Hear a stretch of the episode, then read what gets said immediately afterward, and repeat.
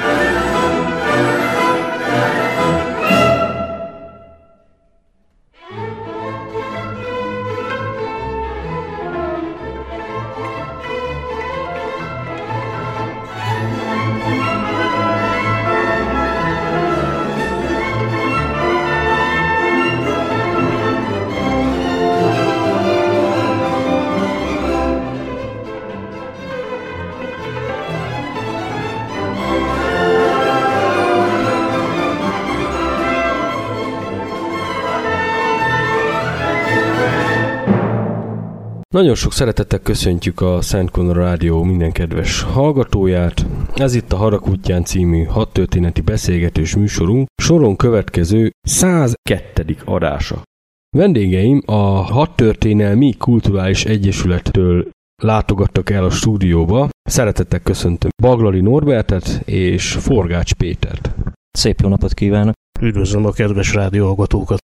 Magyar szigeten ti voltatok a német része a hadjátéknak. Igen. Én voltam a narrátor, aki még emlékszik rá. Az orosz oldalt pedig a 64 vármegye szervezői alkották. Ők voltak a tömeg, akik egyetlen egy sorozatra összeestek. Igen, sajnos volt egy kis műszaki probléma a általam kezelt színházi MG42-es állványos gépuskához. Fegyvermester ugye egy nagy teljesítményű 1200 lövés per precizióságú gépuskához műanyagból készült vaklőszert hozott, ami nem igazán működött a gépuskába, szétnyílt, elakadt. Igen, és igazából a közönség látta kárát ennek a dolognak. Ugyanis így nem tudtunk olyan látványos hadijátékot bemutatni. Én úgy vettem észre, hogy az orosz fegyverek mentették meg az egész eseménynek a becsületét, ugyanis azok igen jól működtek. A szovjet fegyverekhez részhüvelyes vaklőszerek voltak. Ezt nem értem, hát csak azért sem, mert nem olcsón jöttek ők le fegyvermesterkedni, de inkább fegyverkontárkodtak ezek szerint. Hát sajnos nem voltak a helyzet magaslatán, én úgy látom, hogy kicsit spórolni akartak a vaklőszer árakon, ugyanis a részhüvelyes lőszer az 300 forint, a műanyag hüvelyes az 140 forint. Én mondjuk annak is örülök, hogy egyáltalán ezt össze tudtuk hozni, mert néhány nappal előtte nagyon úgy tűnt, hogy nem fog sikerülni. Ezért bízom benne, hogy jövőre valamivel jobban meg tudjuk ezt szervezni, amennyiben eljöttök még majd egy ilyen jellegű hadijátékra. Hogyha meghívást kapunk, akkor mindenféleképp szeretnénk részt venni rajta. Minden kezdet nehéz, a jövő évi az valószínűleg sokkal jobban fog sikerülni. Reméljük mi is. Mai témánk egy régóta beígért és számomra is egy nagyon érdekes történelmi esemény, aminek idén volt a 70. évfordulója. Csak mivel akkor nyári szüneten volt a műsor, ezért nem tudtunk róla megemlékezni, most viszont ezt bepótolnánk. Ez pedig a Citadella hadművelet és a világ legnagyobb páncélos ütközete, a Prohorovkai ütközet története. El is kezdhetnénk ott az elején, hogy milyen lemezte a keleti frontot a Stalingrádi vereség után, kinél volt a kezdeményezés 1943 tavaszán. 1943 év elején a keleti front déli részén a németek helyzete igencsak válságosra fordult. Stalingrádnál és környékén elpusztult az egész B hadsereg csoport, a hatodik német tábori hadsereg, a negyedik német páncélos hadsereg nagy része, a harmadik, negyedik román hadsereg, a második magyar hadsereg és a nyolcadik olasz hadsereg is. A Stalingrádi vereség, a németek szövetségesei másfél millió katonát vesztettek, halottakban, sebesültekben, eltűntekben és hadifoglyokban. Mondjuk ebben benne van a magyar király második hadseregnek is a 130 ezer fős véres vesztesége. Igen, ez bele tartozik, ugyanúgy, mint a két román hadsereg és a nyolcadik olasz hadsereg vesztesége is. A szovjetek egészen Harkovig szorították vissza a németeket, ekkor Franciaországból az ott pihenés és feltöltés céljából állomásozó második SS páncélos hadtestet kerete szállították. Milyen alakulatokból állt ez a második SS páncélos hadtest? Az első SS páncélgránátos hadosztály, a Leibstandarte, a második Das Reich SS páncélgránátos hadosztály és a harmadik Totunkov SS páncélgránátos hadosztályból állt, Paul Hauscher SS tábornok vezetésével.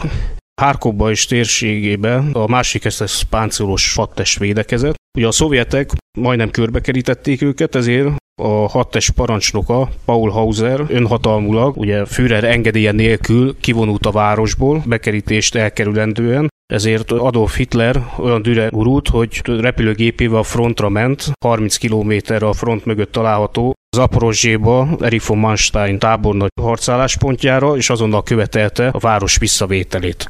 Manstein egy ellencsapás tervét kidolgozta, amiben szintén a második SS páncélos hadtestnek nagy szerep jutott. A hadművelet megindulása után a Totinkov hadosztályra jutott a szerep, hogy a város visszafoglalják. Ez mekkora város mondjuk Budapesthez képest, vagy mekkora lehetett akkor? Abban az időben Szovjetunió a, a negyedik legnagyobb város volt, Moszkva, Stalingrad és Leningrád után. Ha jól tudom, ez már a negyedik alkalom volt, hogy ez a város gazdát cserélt. Amúgy egy fontos közlekedési csomópont is volt, azt is tegyük hozzá. Igen. Maga Harkov városának visszavétel előtt a Totinkov páncigránátos hadosztály parancsnoka Theodor Eike SS Obergruppen Führer. Führer. A város fölékes Stork típusú géppel berepült felderítés céljából, de a szovjet légvédelem lelőtte, és azért életét vesztette.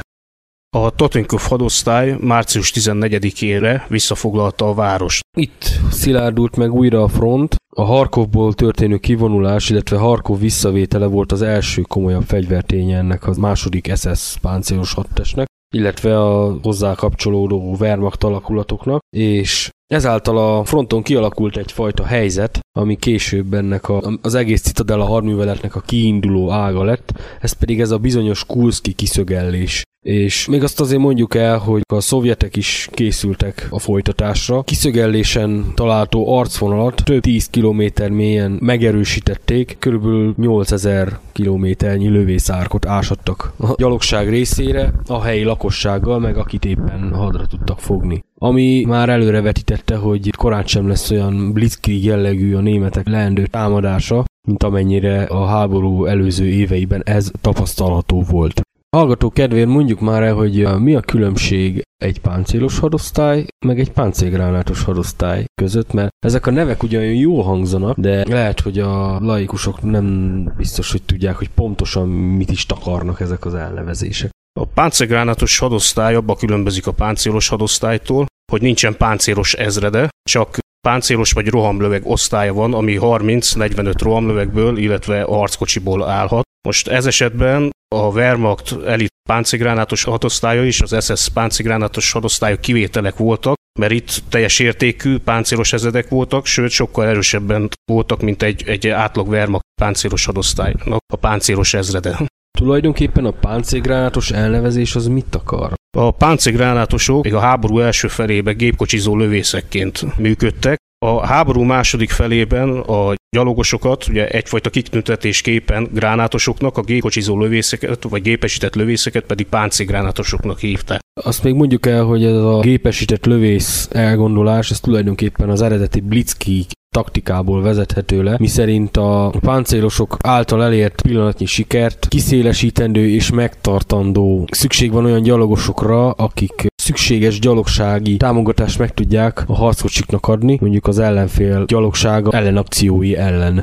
A páncélgránátosok feladata legnagyobb részt a harckocsi kíséréséből állt. Ez általában a páncélgránátos hadosztálynak az első zászlóaljának volt a feladata, akik általában lövészpáncélosokkal közlekedett. Vagyis páncélzott csapatszállító járművekkel, Igen, ami teherautónál egy kicsit jobban védte az élőerőt a, Igen, a puska ezek- kaliberű lövések ellen. Ezek vélánctarpos járművek voltak, előkerekük volt, hátul lánctalpuk, és 10 darab páncigránátos szállításra voltak alkalmasak. Vagyis egy fél szakaszt tudott egy ilyen járgány elszállítani? Egy rajt tudott egy páncigránátos rajt, mert ebbe az időben a német páncigránátos rajok 12 főből álltak, ebből volt két darab géppuska is a rajon belül, ami nagy tűzerővel ruházta föl az egységet. Egy szakasz 36 főből állt, tehát három raj tett ki egy szakaszt. És ez összesen három darab járgányt jelentett lényegében egy szakasz. Igen, és ezek SDKFZ 251-es páncélozott szállító harcjárművek. A szakaszparancsnok, aki általában egy hadnagy vagy egy főhadnagy volt, és a helyettese, akár egy hadnagy, egy rádióssal és egy szanitétszel egy kisebb SDKFZ 250-es harcjárművek közlekedett, ami csak 5 személyes. Ez egy nyitott fölülről nyitott. harcjármű volt, Akkor ebből a járgányból ki is lehetett lőni magyarul kézi Igen.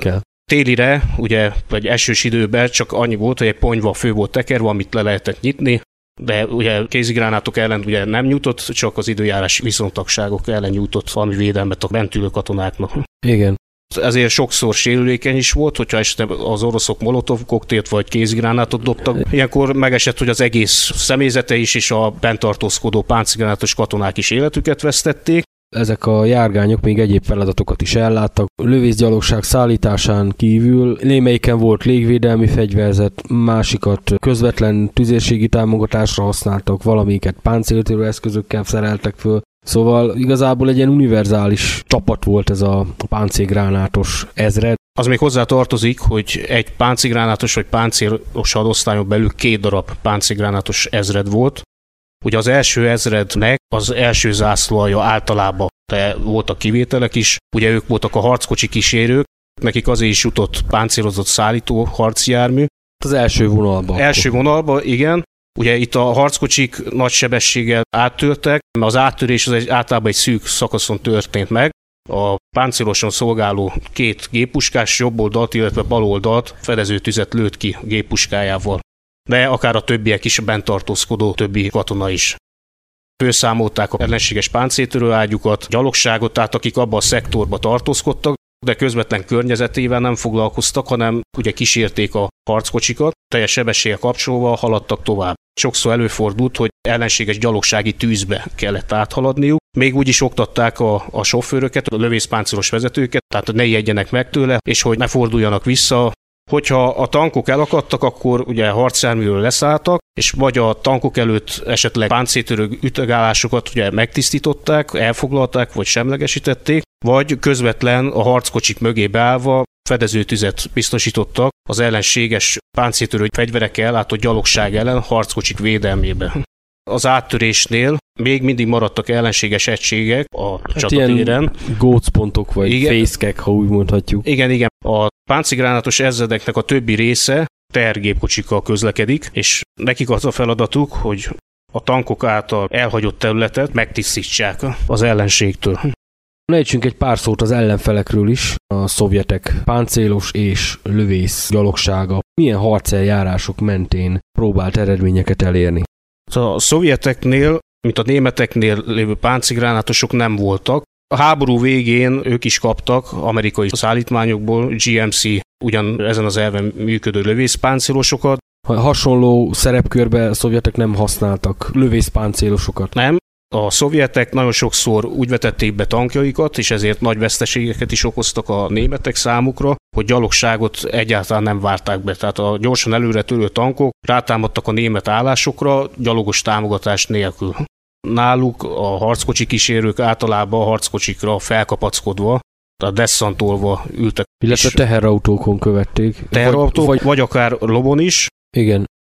A védelmi eljárások közül egy Pakfront nevű terepképződményt azért említsünk már meg, hogy ez, ezt hogy kell elképzelni, mert lényegében az oroszok a Kurszki csata alatt is, meg a későbbiek során ezt a fajta eljárást alkalmazták a németek ellen, illetve a németek is hasonló szerepkörben. A Kurszki csatában három üteg volt egy pakfrontba, ami 16 darab páncéltörő ágyút jelentett. Ezek milyen ágyuk voltak, azt tudjuk? Nagyon vegyes volt, volt 57 mm-es, 76,2 mm-es páncéltörő ágyú, de még előfordultak még háború elejé vagy korai 45 mm-es orosz páncéltörő ágyuk is. Pakfrontot egyetlen parancsnok irányított, aki egyetlen célpontra is koordinálhatta mind a három ütegnek a tüzét. Tehát az összes páncéltörő ágyú. Értem, akkor hogyha jött egy harckocsi, akkor az összes ágyú tüzét összpontosítani tudta egyetlen egy célpontra magyarul. Igen, és ez a Kurszki csatában fontos volt, mert ugye itt jelentek meg először a nehéz német harckocsik nagyobb számba, illetve a nehéz önjáró páncéltörő ágyuk, és ezeknek olyan vastag páncélzata volt, hogy sokszor nem volt elég egyetlen egy páncéltörő ágyú, főleg esetleg egy kisebb, ahhoz, hogy ki tudják lőni az ellenség harckocsiját, és ezért egyszerre több ágyút is irányítottak. Az ágyukon kívül milyen egyéb gyalogsági fegyverek tartoztak még a pakfronthoz? Nagy számba használtak gyalogsági páncéltörő fegyvereket, ezek a PTRD és a PTRS. Páncéltörő puskák magyarul. Páncéltörő puskák, igen illetve gyalogságnál voltak még páncél romboló gránátok, mágneses akna, illetve még a molotov koktél használták nagy számban. Gyalogságnál ugye a géppisztolyok közül PPS 41 típusú 71 lőszere befogadására képes dobtáros géppisztolyt használták nagyon nagy számba. Akkor általános lövészfegyverük volt a, a Mosin Nagant karabé, amíg zártugatjúan működtek, és ötlőszeres töltőlécet lehetett belehelyezni, és egyesével mindig csőre kellett tölteni a fegyver. Géppuskák a géppuskás alakulatok ugye golyószóroként használták a tektyarja pohotnyi DP-28-as 49 lőszer befogadására alkalmas dobtárat használtak hozzá. Ugye fontos megjegyezni, hogy mint a Moszint Nagant Karabé és a DP-28-as golyószóró, valamint a géppuskák is 7,62 mm űrméretű lőszerrel tüzeltek. A nehéz géppuskákat a szovjetek a M1910 mintájú Maxim gépuskákat is, tehát első világháborús készletből megmaradt gépuskákat is használtak, valamint 1942-től Gorjunov. SG-43-as modellű gépuska volt? Igen, igen. Aknavetőkből szovjetek használták az 50 mm-es könnyű aknavetőt, a 82 mm-es középaknavetőt és a 120 mm-es nehéz aknavetőket is.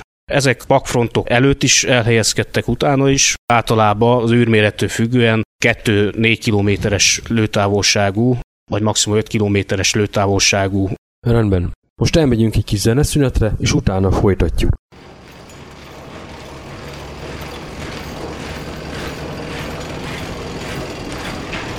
Into the motherland, the German army march.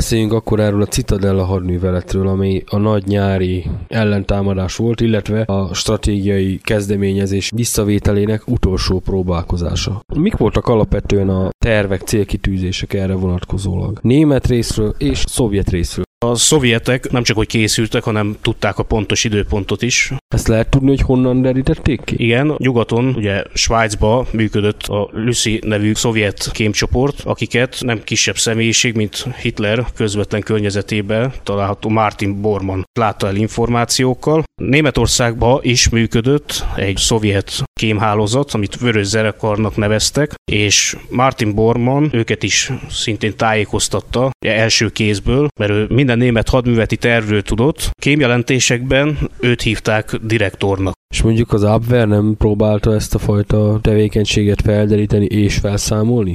Nem is sejtették.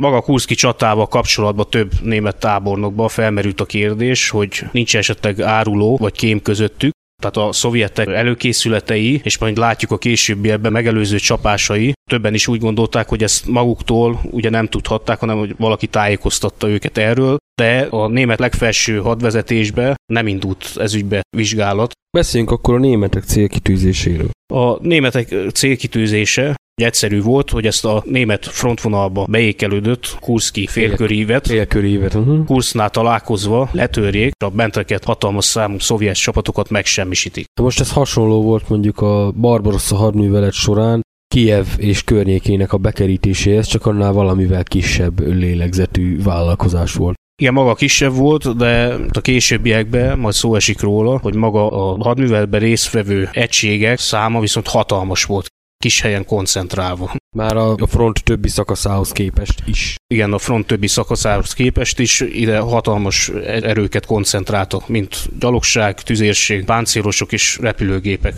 Szovjetek milyen előkészületeket tettek, hogyha már egyszer tudtak az egészről?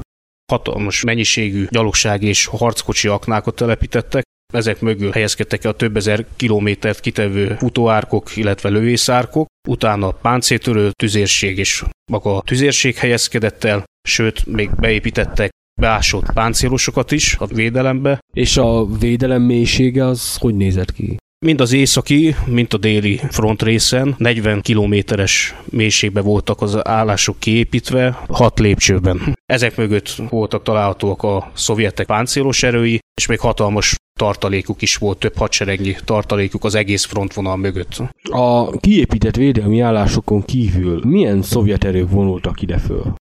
A Kurszkívben ugyebár a központi front szerepelt északi részén, ez megközelítőleg 700 ezer katonát jelentett, 11 ezer löveget, 246 sorozatvetőt, Vagyis katyusát? katyusát, illetve 1600 körüli harckocsi számot, amelyet 1000 repülőgép támogatott megközelítőleg.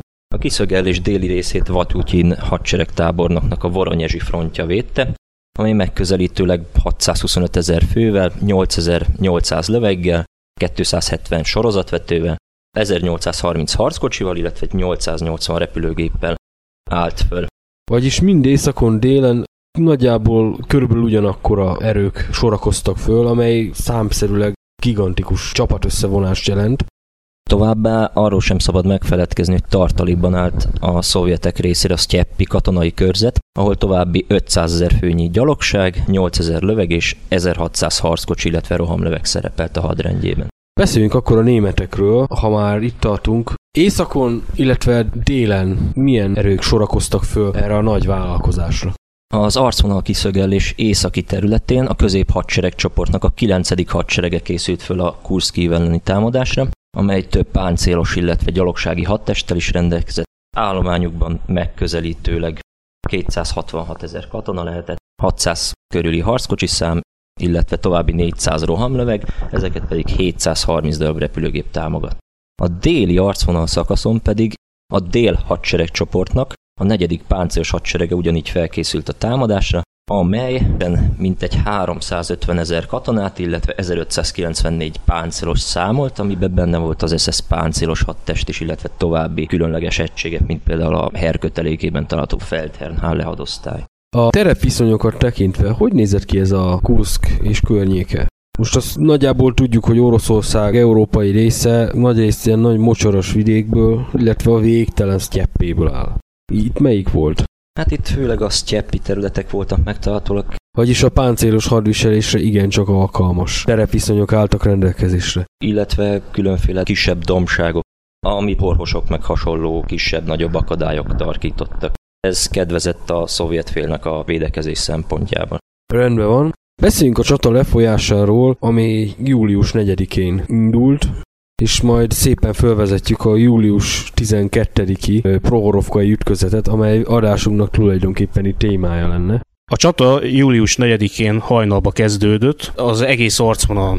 Most, mint már előbbiekben is említettük, a szovjetek tudták a támadás pontos időpontját, ezért megelőző csapást próbáltak mérni mind a déli, mind az északi front részen. A központi front mintegy 600 ágyúja egy órán keresztül tűz alá vette a német készenléti állásokat, vagyis már a támadásra fölvonult egységek fejére hullott ez a régi áldás? Igen, igen, és hatalmas veszteségeket okoztak mind a német páncélosokba, mind a gyalogság és a tüzérségi fegyverekben. A déli frontrészen a szovjet légierő próbált megelőző csapást mérni a Harkov környékén állomásozó német repülőgépekre, tehát repterekre is Július 4-én hajnalba egy 500 szovjet csatarepülőgép, bombázós vadászgép közeledett a repterek felé, de ezt a németek által használt mobil Freya elnevezésű lokátor felfedezte. A német légvédelmi parancsnokság megtudta, riasztották saját vadászgépüket, akik azonnal startriadóval levegőbe emelkedtek. Mire a szovjet kötelékek megközelítették magát a frontvonal részt, addigra az összes környéken állomásozó német vadászgép levegőbe volt, és lecsaptak rájuk, mert következtében az első rácsapásnál több száz szovjet gépet lőttek le a német vadászok, majd miután a szovjet gépek átrepültek a frontvonal fölött, a német légvédelmi tüzérség is bekapcsolódott az és akcióba. Ő, és ők fejezték be. Hát ő, itt is majdnem, hogy száz gépet lőtt le a német légvédelmi tüzérség. Miután ezeket a veszteségeket, itt már majdnem 300 gépes veszteséget a szovjetek elszenvedtek, az egész kötelék szétugrott, vaktába elszórták a bombáikat, tehát a német repterek érintetlenül maradtak próbáltak menekülni, aminek során ismét lecsaptak rájuk a német vadászgépek, és így a, az 500 támadó szovjet repülőgépből 432 gépet semmisítettek meg, így délen a, a szovjet megelőző csapás nem sikerült. Akkor a világ legnagyobb páncélos ütközete tulajdonképpen, ahogy a keleti front egyik legnagyobb légi csatájával kezdődött, ezt elmondhatjuk. A németek részéről nagy siker volt, mert a déli front részen az egész csata folyamára megszerezték a légi uralmat. A németek mennyi repülőgépet vesztettek ez akció alatt? A légi csata folyamán a németek 41 darab vadászgépet vesztettek.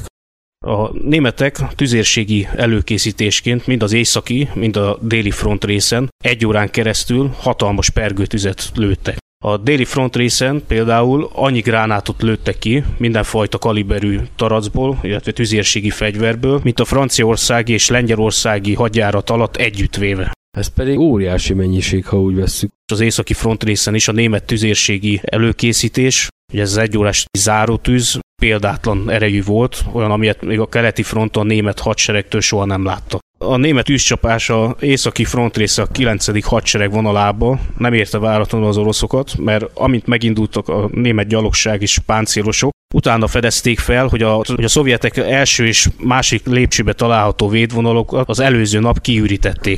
A tüzérségi csapás, tehát a zárótűz teljesen hatástalan volt. Nem ért eredményt el. A német támadás először is a szovjetek által ezer számra elhelyezett aknák felszedésével kezdődött, amit már előző éjszaka folyamán elkezdtek, mind a déli, mind az északi részen. Nagy számú német rohamutász egységet vetettek be, akik a támadás megelőző napokban folyosókat nyitottak a támadásra meginduló harckocsik, rohamlövegek, illetve gyalogság számára.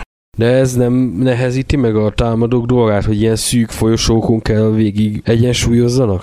Hát oda egy koncentrált tüzérségi tűzés, arat a halál lényegében. Ez egy nagyon összetett dolog. A támadás megelőzően hatalmas tüzérségi csapást mérnek az ellenségre, és bevetik a légierőt is, légierő bombázóit, illetve csatarepülőgépeit is az ellenséges tüzérségi állások, állások felszámolására. És még a, esetlegesen a csata folyamán dolgozó utászoknak is van páncélos segítsége, akik fedezik a aknák mentesítését. A szovjetek olyan mennyiségbe telepítettek aknákat, hogy a kritikus helyeken, tehát ahol számítottak a német csapatok támadására, négyzetkilométerenként 1500 harckocsi aknát és 1700 gyalogsági aknát telepítettek.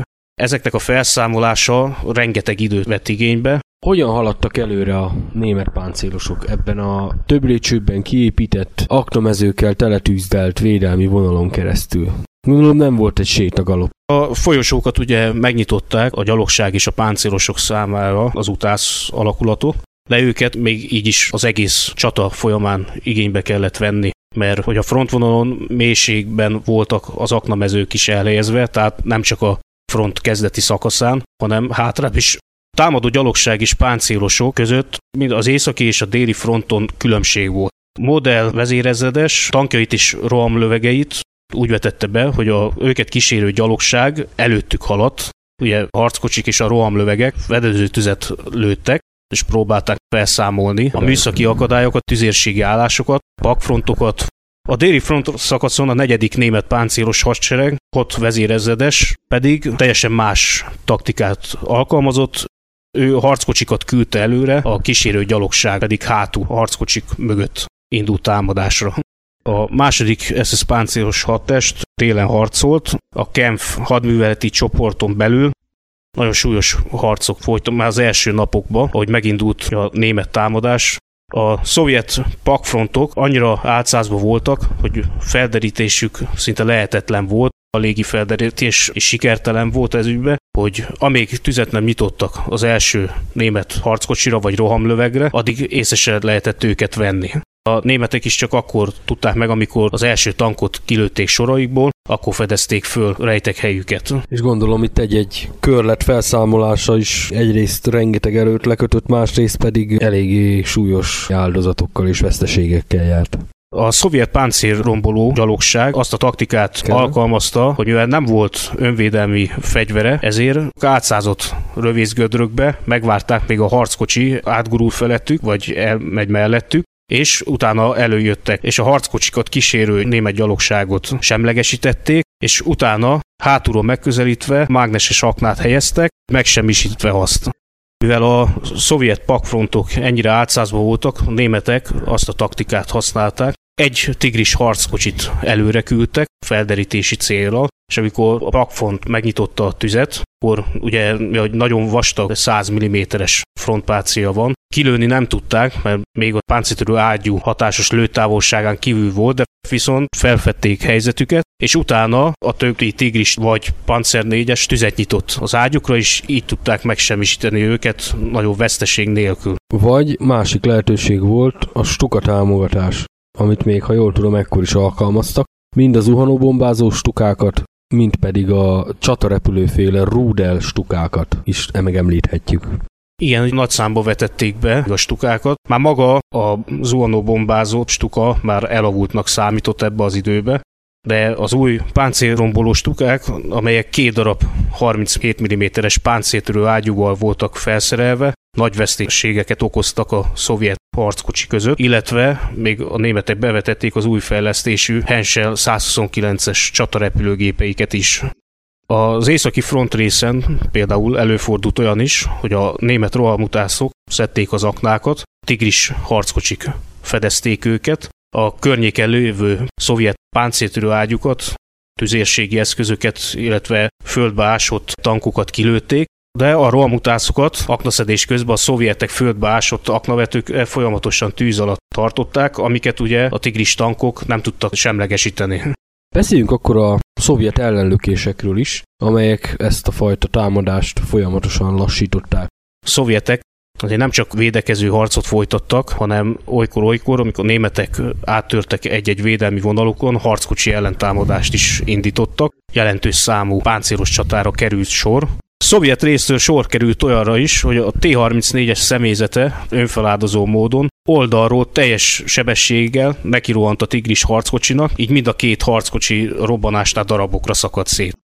Ezeknek a szovjet páncélos ellökések felszámolására első ízbe vetettek be a németek új fejlesztésű harckocsikat, illetve rohamlövegeket, amiről beszéltünk tigrisek, amik itt szerepeltek először nagyobb számba, mind az északi, mint a déli részen megközelítőleg 50-50 darab tigris harckocsit vetettek be. A déli front részen Grózdorsan alárendelségében található 200 darab párduc harckocsit, az északi része harcoló 88 mm-es ágyúval ellátott Ferdinánd rohamlövegeket. A felsorolt harcjárművek jelentős fölénybe voltak a szovjet harckocsikkal szemben, a párduc hosszú csövű 75 mm-es löveggel, a Tigris és a Ferdinánd pedig félelmetes 88 mm-es löveggel voltak ellátva. Ezek akár 3 kilométeres lőtávolságról is kilőtték a szovjetek T-34 per 76 típusú harckocsiját és 200 mm-es homlokpáncélral rendelkeztek. Igen, kezelő személyzetük 6 főből állt, egy óriási hátránya volt ennek a, a harcjárműnek, hogy nem rendelkezett önvédelmi géppuskával. Még ekkor. Ezért nagyon sokszor előfordult, hogy a Ferdinánd roham lövegek erőre nyomulás közben a német harckocsi kezelők a szovjet gyalogság ellen magukkal vittek egy darab MG34-es géppuskát, amit a csőbe helyeztek, és onnan lőttek tüzet a páncélos felé közeledő szovjet gyalogságra. Ez elég furcsa. Ágyúból tüzet leadni, na mindegy, de hát a szükség törvényt mond. Az északi frontrészen a 9. hadsereg kötelékébe 90 darab Ferdinánd rohamlöveg szolgált, két nehéz páncélvadász osztályba besorolva, a Kurszki csatát túlélő példányokat nagyjavításra Németországba vitték, ahol még plusz páncélzatot kaptak, illetve egy darab MG34-es fedélzeti géppuskát. Rendben van, most megint elmegyünk egy kis zeneszünetre, és nem sokára folytatjuk.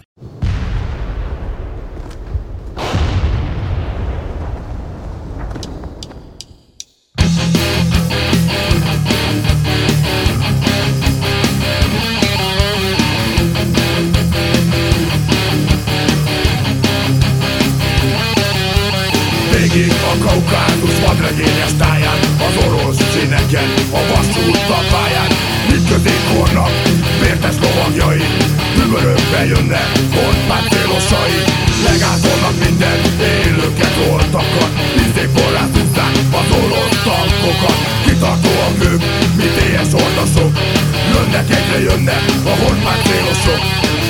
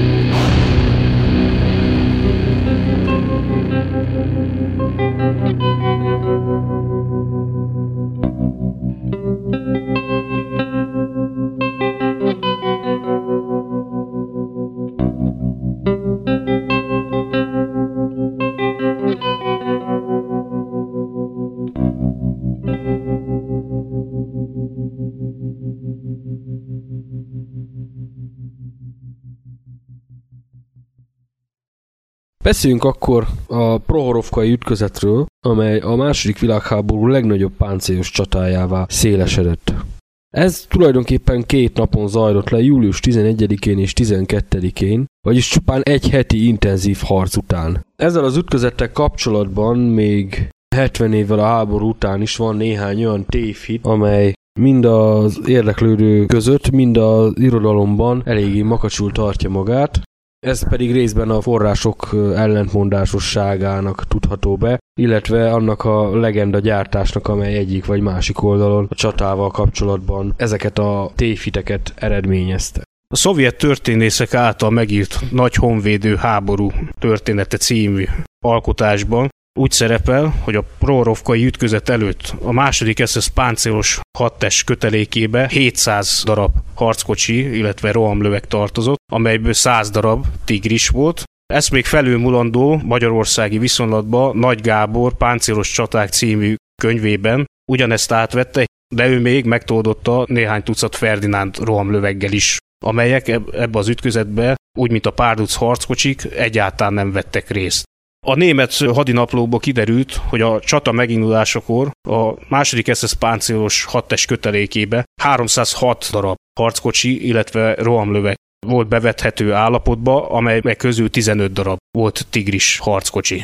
Szovjet oldalról az 5. gárda harckocsi hadsereg kötelékébe Rotmistrov tábornok vezélete alatt 850 darab harckocsi, illetve rohamlöve került bevetésre, amelyből 500 darab volt T-34 per 76 típusú harckocsi, azon kívül 43 darab nehéz harckocsival is rendelkezett, KV-1-es, illetve Churchill 3-as típusú harckocsikkal, Su-122-es és Su-76-os önjáró rohamlövegekkel, valamint T-60 és T-70 könnyű harckocsikkal. Azt azért még mondjuk el, hogy ez az Ortmistrov féle csoportosítás, ez már a tartalékfrontból került bevetésre. Szóval mind a központi front, mind a Voronyezsi front ekkor már jelentős veszteségek miatt. Például a Voronyezsi front már összeomlani látszott, és ezért még a Prohorovkai ütközet előtti napokban bevetették a Styepi front tartalékállományát, és ehhez tartozott ez a Rotmistrov féle csoportosítás is. A Prohorovkai ütközet pontosan azért alakult ki,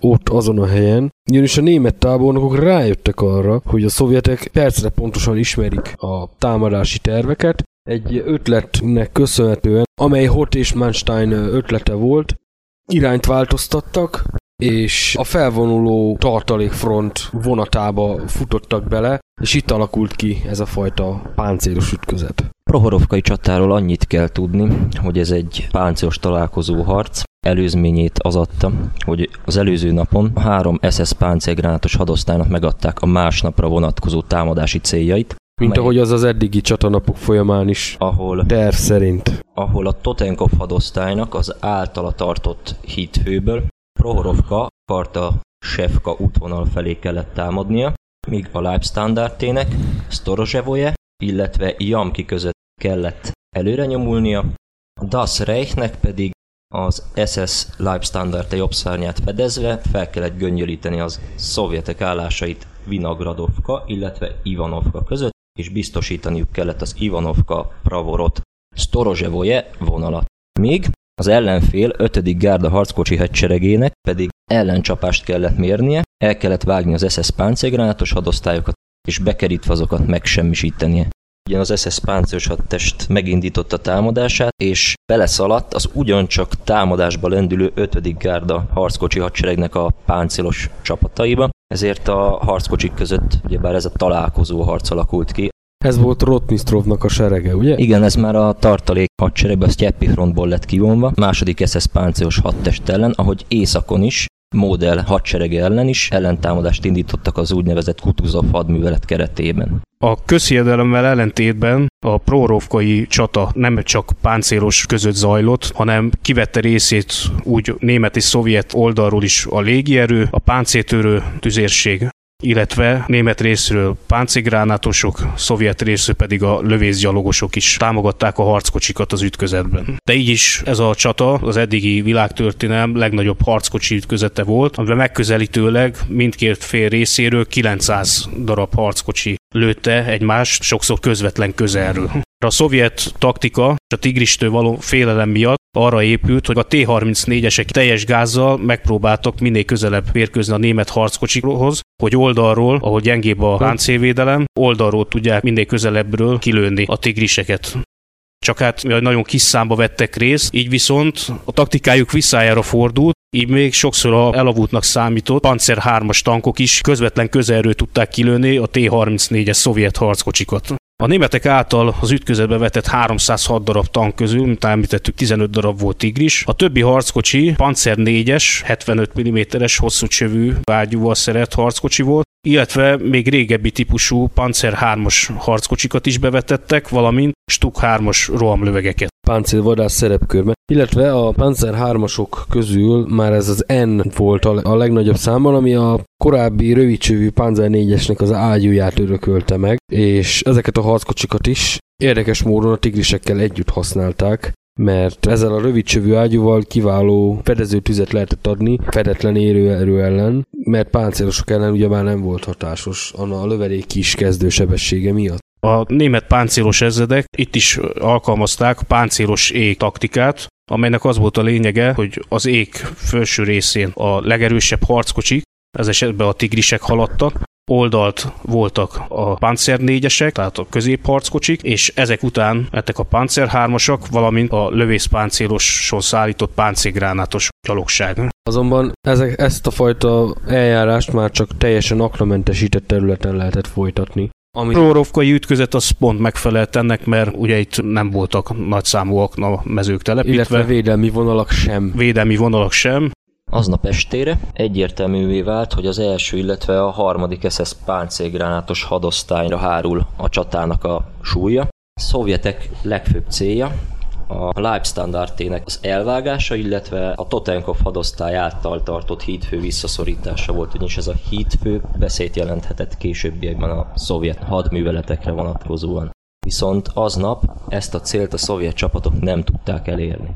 A német SS páncélos hadtest pedig 120 darab páncélos kilövését jelentette le a felső parancsnokság részét. Hát ez egy nap lefurgása alatt az óriási mennyiség, ha figyelembe veszük. Rendkívüli. Este 22 órakor újabb eligazításra került sor, ha jól tudom. A Reich páncélgránátos hadosztálynak a második harckocsi hadtest, illetve a második gárda harckocsi hadtest erőit kellett visszavetnie, illetve az elért vonalon védőállásokat kellett kiépíteni a következő támadásokkal szemben. A Leibstandartének pedig az elért arcvonalon főharcvonalat kellett berendeznie, hogy a soron következő szovjet támadásokat el tudja hárítani, míg az SS harmadik Totenkov páncélgránátos hadosztálynak pedig Pszioltól északra folyó völgyében kellett támadást indítani, hogy elérjen egy bizonyos vonalat, ahol megint csak ki tudja építeni védelmét, illetve meg tudja semmisíteni a Leibstandartéval közösen a maradék szovjet erőket. A sötét beálltával nem fejeződtek be a harci események, sőt, valamilyen szinten egész éjszaka folytak összecsapások.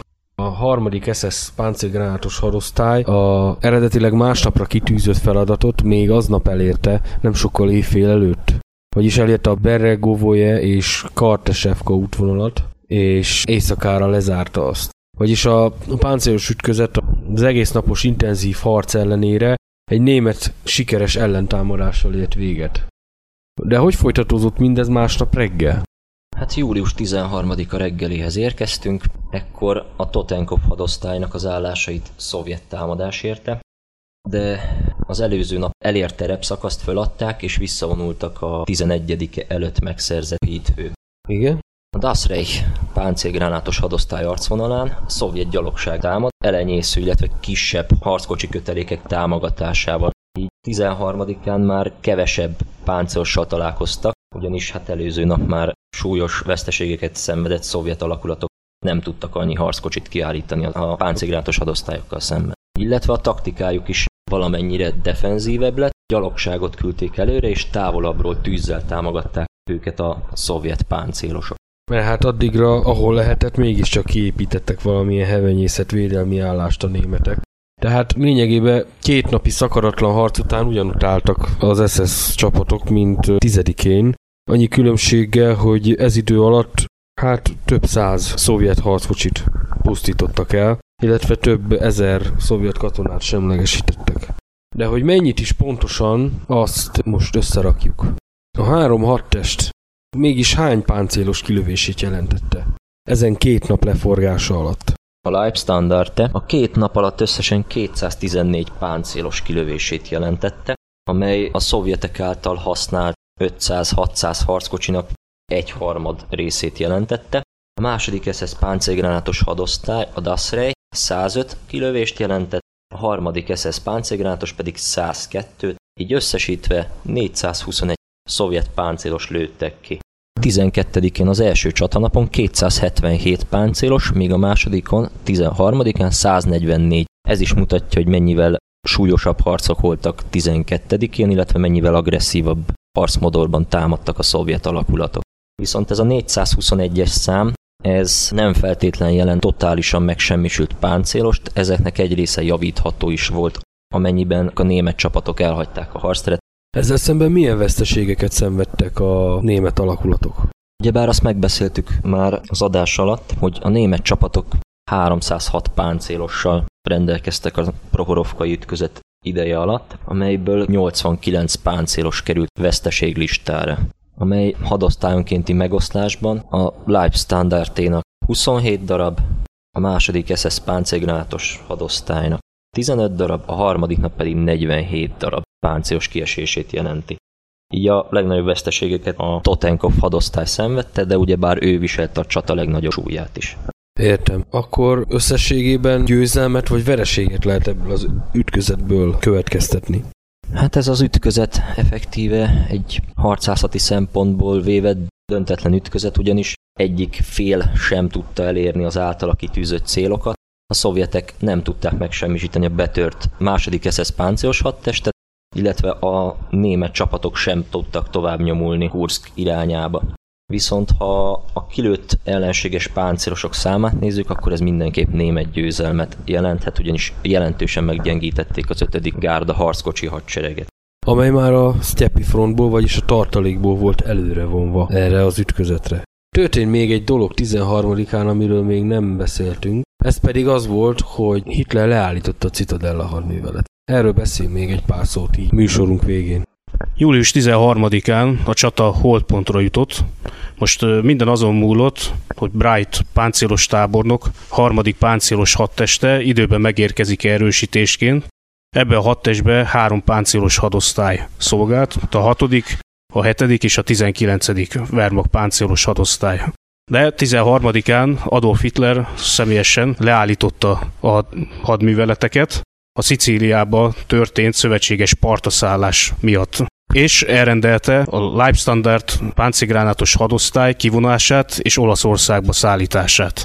Ezzel a csata sorsa eldőlt. És az egész vállalkozás sorsa eldőlt, Itt arról vita van a mai napig, hogy tulajdonképpen miért adta ezt a parancsot Hitler, mert gyakorlatilag az áttörés küszöbén voltak a németek. Ugyanis a szovjeteknek tartalékaik egyáltalán nem maradtak, nekik viszont maradtak mégiscsak.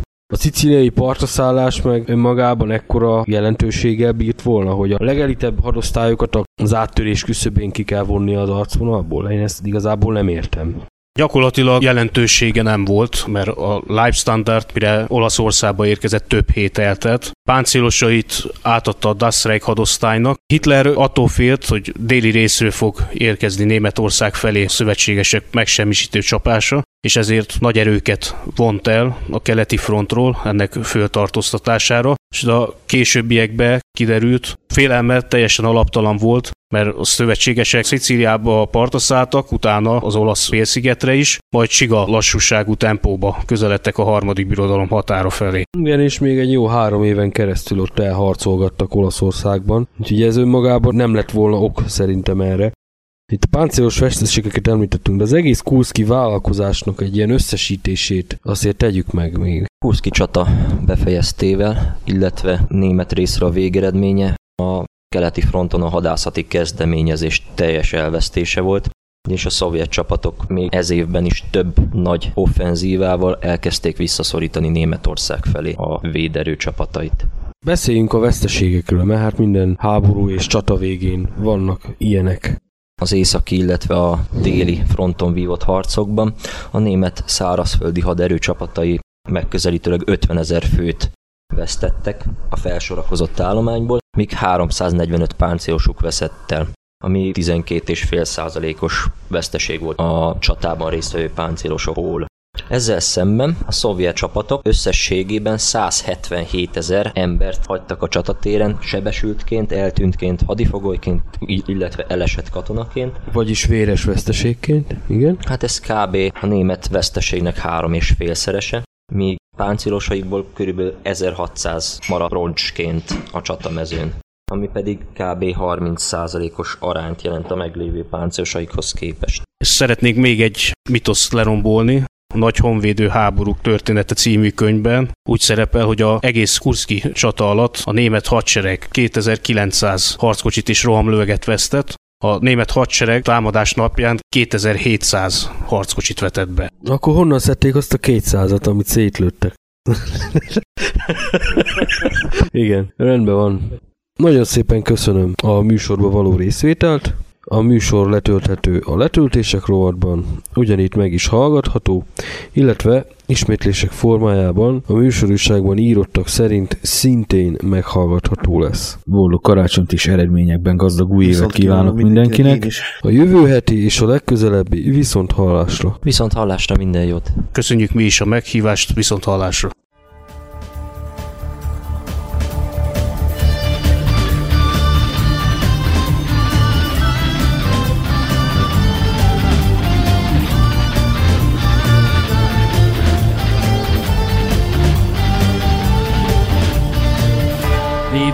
www.szentkoronarádió.com A tiszta magyar hang.